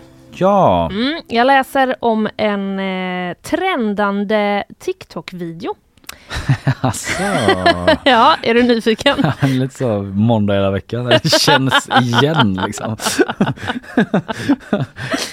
ja, Ja. Berätta. Så är det i alla Berätta, fall. Du, detta är en video på en, eh, där en kvinna då filmar sig själv och säger att hon har fått rådet av sin psykolog att äta Warheads. Ett, Va? Ja, ett extremt surt godis är detta tydligen. Okej. Eh, hon har fått rådet av sin psykolog att äta det varje gång hon känner en annalkande ångestattack. Jaha, då ska hon äta surt godis. Då det säger, alltså, vem sa det? Psykologen? Den här kvinnan, Den kvinnan. Ja, berättar förlåt. att hennes... Du är så chock. Kvinnan berättar då, eh, min psykolog sa till mig, ät en sån här jättesur godis när du känner att du håller på att få en ångestattack. Mm. Sen har då det här klippet spridits. Folk har väl kanske känt, kan man? Funkar det? I så fall kanske en ganska enkel lösning. Slänger sina liksom Alla eh, piller och- som man Ja, sitter med exakt. där. Bara, Bokar av sina det går så bra med ett psykologtider bara... surt S. Ja, det går Ja. precis. Det går bra. Ja, men det måste vara väldigt surt läser jag. För det som har hänt då är att klippet har fått spridning eh, och då undrar man ju liksom, eh, ligger det något i detta? Det gör man ju. Ja, för att man ska ju vara källkritisk eh, alltid. Och nu skriver då... Eh, Källkritiskast på TikTok, Linnea Rönnqvist. hallå? Ja. Eh, nej men nu skriver då eh, USA Today att det här tipset får uppbackning av eh, experter. Jaha. De har då eh, ringt upp terapeuten eh, Catherine Del Toro som säger det är ett underbart terapitrick som är praktiskt eftersom du kan bära med dig surt godis var du än befinner dig. Ja, det kan man ju faktiskt. Det kan man ju faktiskt. Problemet är väl bara att man inte får äta upp dem i så att säga icke-krissituationer. Nej, så att man har några kvar. Man blir för sugen Exakt. ja, precis. Mm, och så precis. står man där. Och så typ att man hela tiden ska med sig en liten godispåse då. Exakt. Ja. Och så ska man bara så på, när man ska hålla kanske så en jätteviktig presentation på jobbet ska man Mm. bara I'm just going to take a warhead and Mm, eat det. while I talk. Så man har en sån långt sånt där sn- lakritssnöre. Som håller hela presentationen.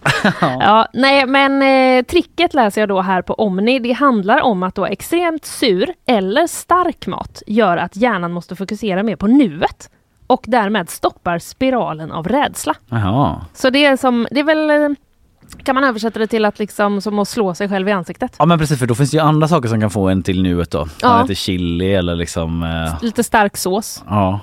Ja, lite stark Skulle sås man kunna ja. sippa på Smutta bara? på det, en sån Ja. sriracha bara. Precis. Ska bara ta med en liten hutt och så Ja, vidare. det. Ja, ja, men jag tycker ändå det är bra att USA Today och eh, även du då liksom ändå försöker granska de här påståendena. Ja, det vill man ju mer, gärna. eh, Jag är ju, är ju liksom inte, hänger ju inte så mycket på TikTok och kan känna en oro för vad som cirkulerar där. Jag vet ju inte liksom. Är det material som kan eh, påverka folk eh, negativt snarare än positivt? Jag gissar nu, men ja. Ja. Ja, ja men jag har fått det Absolut. intrycket att det inte är helt redakterat alla gånger. på ett sätt som jag kan eh, säga. stå bakom och stå för. Ja, det är inte samma genomläsning som sker innan vi publicerar något här på GP.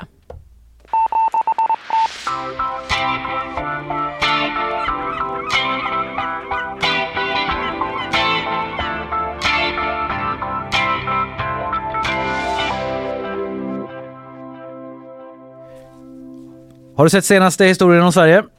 Det har jag inte tyvärr. Inte jag heller. Nej, vad Tyvärr. skönt. Just det, du somnar ju alltid ja. Ja, jag somnade alltid så jag gav mig inte ens på det Nej, igår. nej. Jag var så trött ja, så jag la mig med min bok. Gjorde min, ah, skitsamma.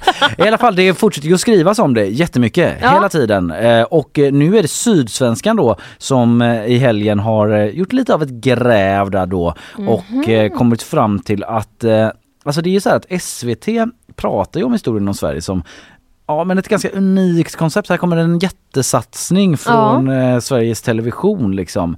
Där vi eh, försöker kartlägga Sveriges historia och så vidare.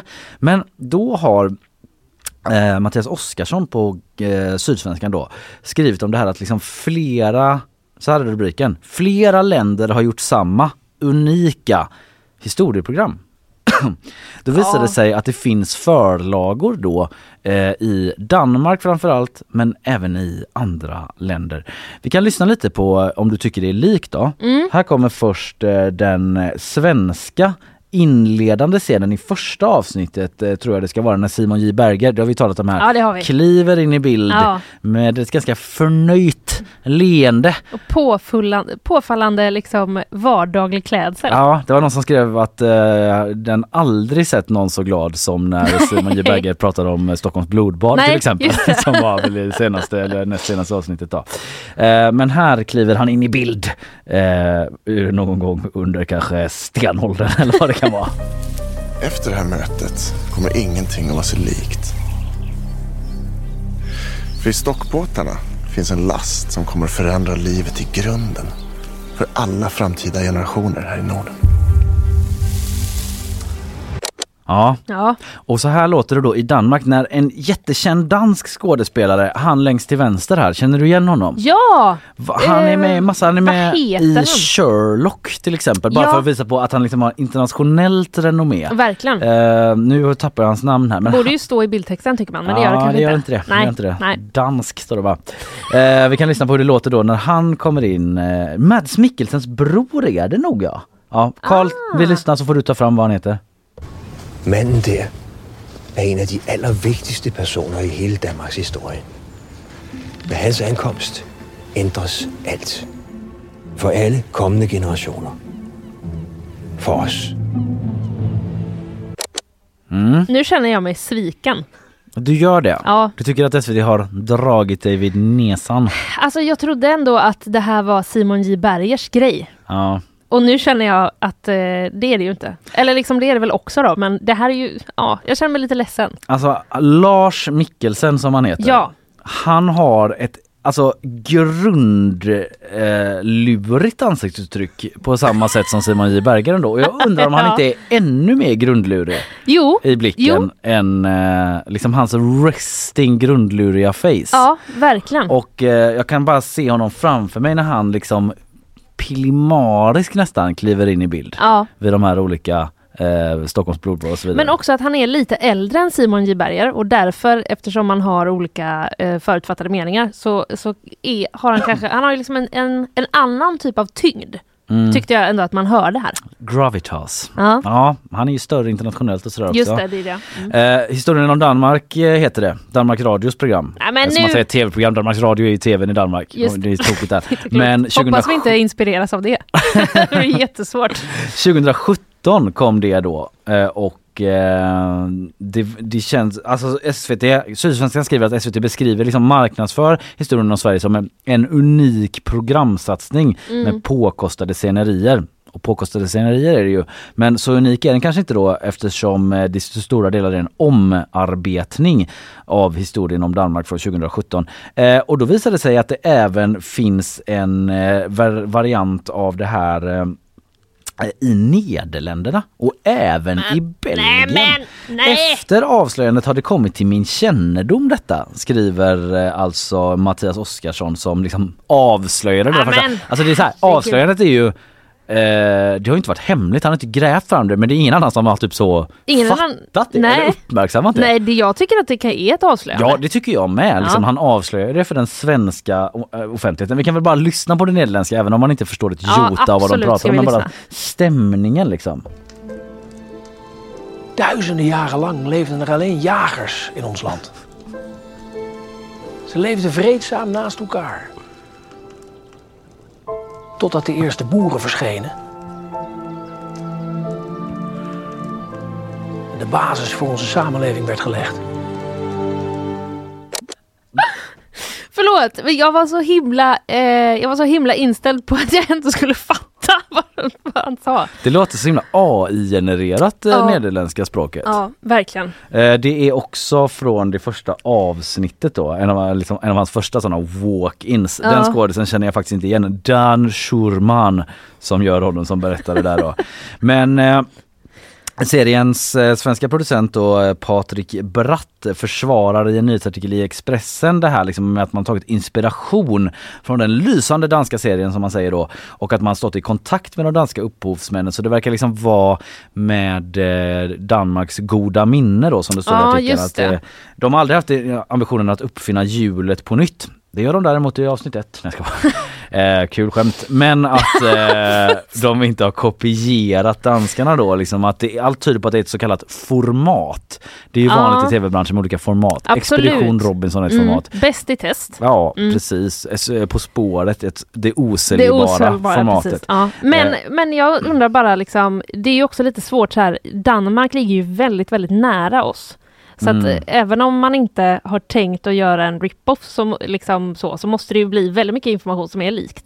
Ja precis, det överlappar ju våras historia. Ja. Stockholms blodbad till exempel är Det inte helt ändå- utan dansk inblandning. Nej, det får man ändå säga och även alla sådana här istider och sånt eh, har väl ändå, vi ligger ju så att säga ganska tajt. precis. Ja. Eh, Där, har, där har vi ju legat under samma täcke så att säga.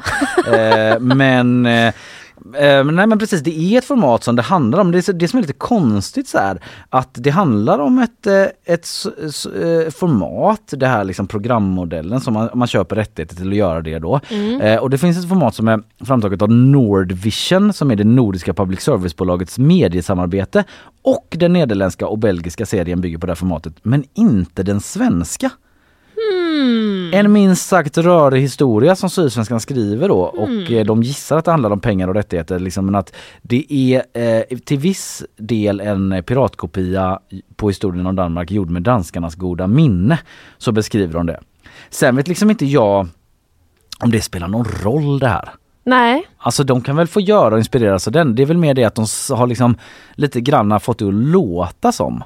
alltså det, Att det som, är ja. unikt. Ja men det som när jag hörde om det här programmet första gången när de liksom presenterade så, nu kommer vår superhistoriesatsning. Ja. Då fick jag bilden av att liksom SVT hade varit så svinsmarta typ bara kommit på Mm. detta och Nu gjort det som vi. en grej. Och så var jag lite Bara, så... kan inte Simon J Berge bara gå in i Ja bilden? exakt, och så var jag lite så bara wow, Mm. det är bra gjort SVT. Ja. Eh, och det är ju ändå liksom, eh, ja de har ju ändå gjort den här grejen men det är information som får det att ändå knorra lite Ja men mig. precis, man behöver inte uppfinna hjulet på nytt tycker eh, Nej, det den här man skribenten. Men man kan åtminstone berätta att julen var danska. Ja, Som han sant. säger då. Eh, där hade jag kunnat avsluta. Det var någonting mer jag ville säga men jag glömde av det nu så jag avslutar istället nu.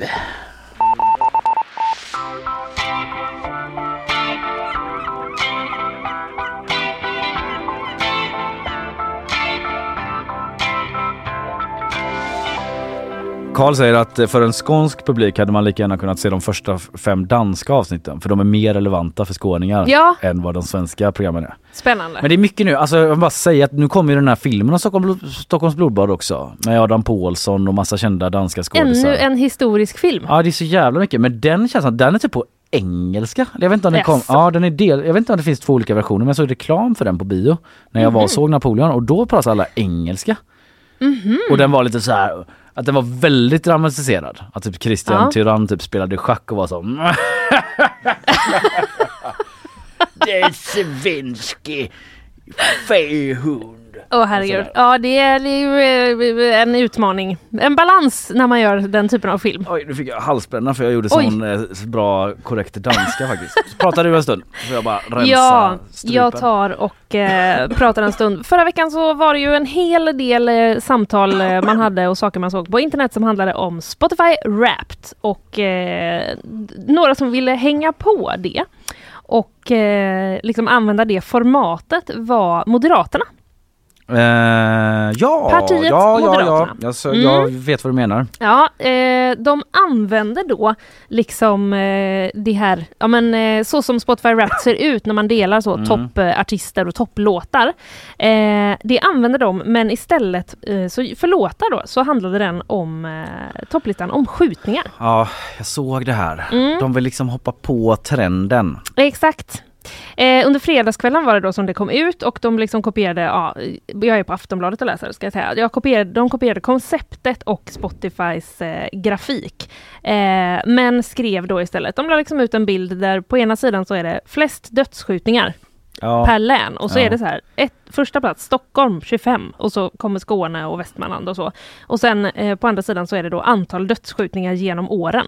Ja. Så står det hur många det har varit per respektive år. Man hajar ju till. Ja men precis. Eh, Är det rimligt att eh, Sveriges liksom bärande regeringsparti ska mimifiera Mm. eh, gängvåldskrisen? Ja, dödsskjutningar. Ja, liksom. dödsskjutningar. Ja. Eh, det, den frågan kan man ju ställa sig. Det här inlägget togs också bort ganska snabbt. De verkar känna själva att det inte blev så bra. Då. Ja, precis. Eh, så eh, vad ska vi se här vad de säger. Jo, till bilden då så skrev de eh, också att partiet var övertygade om att det går att vända brottsutvecklingen.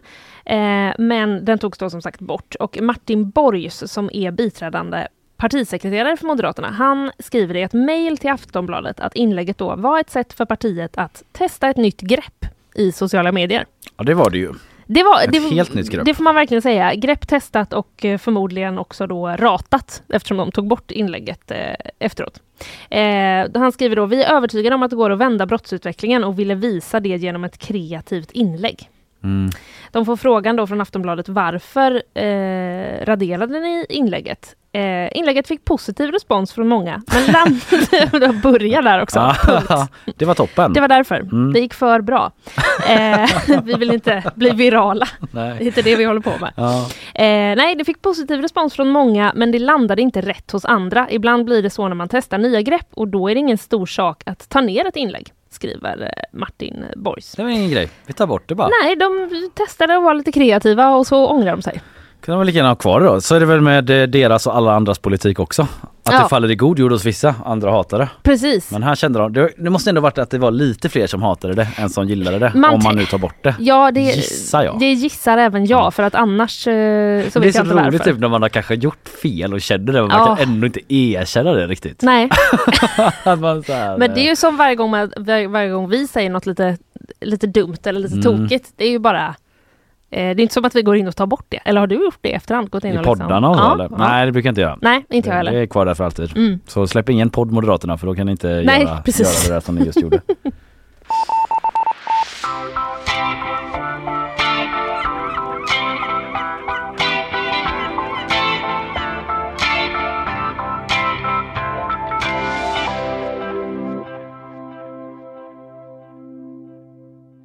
Du känner väl till eh, Macaulay Culkin va? Ja, det gör jag absolut. Vad har du på honom? Ensam hemma. Ja, Eh, har det gått lite halvdåligt för honom efter det va? Ja det är väl det. Utan att jag Mm. känner till eh, detaljerna exakt så har han Mm. ju ändå tampats med att eh, vara en barnskådis och växa Ja. upp med det och liksom vara så pass känd och har haft olika problem med eh, substanser och så Mm. vidare. Han har inte haft det så jävla lätt. Det har ju cirkulerat bilder på honom så här bara this is him today feel old jet liksom och, Mm. och sådana grejer. Men igår, eller igår vet jag fan om det var, men i helgen så var han på Hollywood Boulevard i Los Angeles för att det skulle avtäckas då hans eh, stjärna. Oh, Han får en Hollywoodstjärna. ganska sen stjärna. Eh, ja det kan man ju tycka. Det, det, det dröjer väl ett tag ibland det där. Ja, jag vet faktiskt inte hur den processen ser ut. Nej, inte jag heller. Om det är li, likt liksom higabs att man har eh, en hyrare och så liksom att det finns Nej, många olika nej, eller en stuprörsorganisation. Och det är ju det enda jag är intresserad av, det vet du. Ja, jag visste väl att du, Mm. jag kunde ju väl förutsätta att du skulle hugga på hela Precis. beslutsprocessen och haft med på fötterna där. Men jag har faktiskt inte det. Men han sa i alla fall så här. the spirit of the holiday season, I just want to say uh, Merry Christmas, you filthy animals. Ah, and the crowd goes wild. Ja. I den referensen till ensam hemma då för alla som Mm. inte fattade det så kan vi fill you in att det är det han säger i filmen då. Eh, sen pratade han också lite mer, eh, kan vi lyssna på honom här bara. It's more important to me in regards to being a father than it does like to me personally. Like you know, um, I, I love the fact that my kids can go see this and watch a dog pee on it. Ja. Ja precis, men han har kvar den här glimten i ö- ögat. Han är jätterolig. Alltså hans brorsa Kieran Culkin är ju han i Succession. Hur är det nu? Du har Nej, inte nej, jag har inte sett det. Succession. Det är så knäppt. Måste ju Du- spara inte någonting. Karl heller. Va, vad fan. Kom igen nu. Eh, de låter i alla fall, kan jag, alla andra som har sett det då som lyssnar kan liksom relatera till hur lika de låter varandra. Att han har liksom the, the Culkin sass. Ja, för jag reagerade nu på att jag tyckte han lät eh, väldigt ung på rösten. Ja, han ser ju fortfarande ung ut, Mm. det gör han. Eh, han träffades, eh, träffade även då hon som spelar mamman, Catherine O'Hara i Ensam hemma. Mm. Och den här bilden, nu visar jag dig, när hon, du känner igen från filmen. Ja. Hon, är, hon är väldigt bra som mamma i den Hon, filmen. hon är ju liksom, alltså om man slår upp mamma, Ja. då är det ju typ en bild så på henne som jävla man bra tolkning förväntar av sig. en liksom mamma. Mm. En, kanske en sån lite övre medelklassmamma. Absolut. En white liksom Ja. villakvarter Mm. i alla fall då. Eh, och hon var där igen då. Det finns liksom bilder där man ser båda de här, att det ser ut som samma scen igen och eh, Ah. vi kan lyssna lite. Congratulations, you so deserve your star on the Hollywood Walk of Fame. And thank you for including me, your fake mom who left you home alone not once but twice, to share in this happy occasion. I'm so proud of you. Ja. Lite Härligt. mys bara för att eh, det Härligt. verkar liksom ha ordnat sig hyfsat för Macaulay Culkin. Han tackar sin fru Ja. som var där. Han har två eh, barn tillsammans med henne liksom. Mm. Som vi hörde om där. Eh, som kan nu gå och se hans stjärna då och eh, hundar som pissar på den. Just det.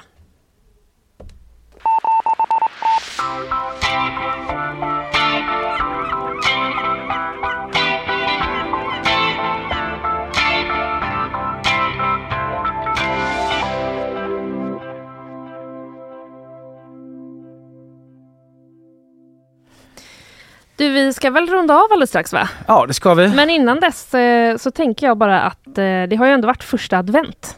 Ja. Och därför är det väl ändå på sin plats med någon liten jultema-grej i bakvagnen. Ha, har du en sån? För Det att jag. annars så blir det panik för jag har inget på Nej, nej precis. Så vad har du? Kom igen. eh, nej men jag bara ser här på SVT Väst eh, så läser jag om eh, Gun-Britt Pettersson i Lindome. Mhm. Som kan ha Sveriges största tomtesamling. Ah. Vill ändå bara nämna det. Ja. Eh, Hur stor är den egentligen? Det här... Hur mäter man det? Antal Ställ- tomtar. Mm. Ställ alla frågor eh, precis när jag börjar på en jag mening. är på dig idag Linnea. Är Jag är verkligen på dig med frågorna idag. Ja, det är jag du. vet ju att du ska komma till mycket av det. Men jag vill ändå veta Du kan inte nu. hålla dig. Nej. Nej. Eh, du, det började ett eh, fyra decennier långt samlande är det och nu har Gun-Britt över 7600 tomtar. Vet du vad jag tycker om det? Nej. Kanon, kanon, kanon. Ja, herregud. Hon fick tydligen för eh, 40 år sedan en eh, tomte på sin födelsedag av sin man och därefter verkar det ha startat då. Eh, men det är bara hälften av tomtarna som åker fram till jul. Resten får stanna kvar på ett lager i Kungsbacka. Den första. Hoppas du tyckte om den. Tyckte om den. Tyckte om den? Vänta bara, du kan aldrig ana vad som kommer hända sen. Mer smak. Verkligen. Ja. Västnytt har också varit hemma hos henne redan 1999, läser jag. Gjort ett reportage. Men samlingen har växt sedan dess. Precis, då var det bara Och, eh, 3000 tomtar. Och nu var det fyra. 7600. 7000. Ja. Wow. Eh, vi får se vad hon kommer upp i till eh, nästa år. Mm. Gun-Britt i Lindome alltså. Som får runda av dagens eh, nyhetsshowen där vi talat om eh, gayklubbsrazziorna i Moskva. Detta efter att eh, Rysslands högsta domstol ju klassat det som man sammanfattat kallar som hbtq-rörelsen som extremistisk. Ja, och jag berättade om eh, Snuthatets dag. Ett evenemang som ska hållas i en lokal som ägs av kommunen. Mm, och det var inte så helgsvep-tips med Frida. Nej, det var det inte. Nej, precis. Utan detta var då kontrovers kring evenemang. I Higab har styrelsemöte idag. De ska se, ska vi liksom förbjuda det här eller kan Mm, vi det? Eller vad håll ska vi göra? utkik på gp.se. Ja, gör det. det komma info om snuthatets Mm. dags vara eller icke vara. Sen var vi nere i Dubai i Ja. eh, ord och tanke och COP28 där eh, Nelson Mandelas barnbarn säger att det råder klimatapartheid i världen. Och du Mm. talade om El Jaber. Precis, och att han säger då att eh, det saknas forskning som visar att världens klimatmål nås genom utfasning av fossila bränslen. Just det, och han är ju chef för eh, hela eh, COP28 och oljebolagsboss då i Jajamän. Förenade Arabemiraten. Så Alexandra Turka har också pratat om gettolagen i Danmark Mm. som ju svenska politiker blickar mot Danmark alltså i hur man ska bekämpa segregationen. Mm. Och eh, då lärde vi oss vad gettolagen innebär och eh, hur eh, man jobbar liksom för att flytta runt folk i Danmark för att liksom blanda upp populationerna i Mm. olika utsatta områden kan man väl sammanfatta det med. Eh, vi är tillbaka imorgon igen. Ja, Producent idag Carl Jansson, research Emelie Hagbard. Tack och hej. tack och hej.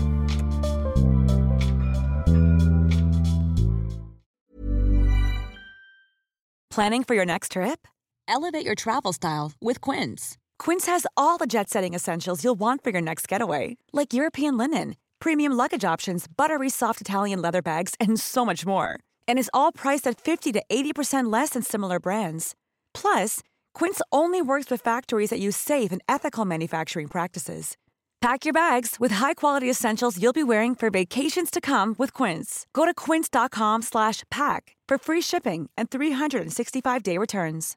Imagine the softest sheets you've ever felt. Now imagine them getting even softer over time. That's what you'll feel with Bowl and Branch's organic cotton sheets. In a recent customer survey, 96% replied that Bowl and Branch sheets get softer with every wash. Start getting your best night's sleep in these sheets that get softer and softer for years to come. Try their sheets with a 30-night guarantee. Plus, get 15% off your first order at bowlandbranch.com. Code BUTTERY. Exclusions apply. See site for details.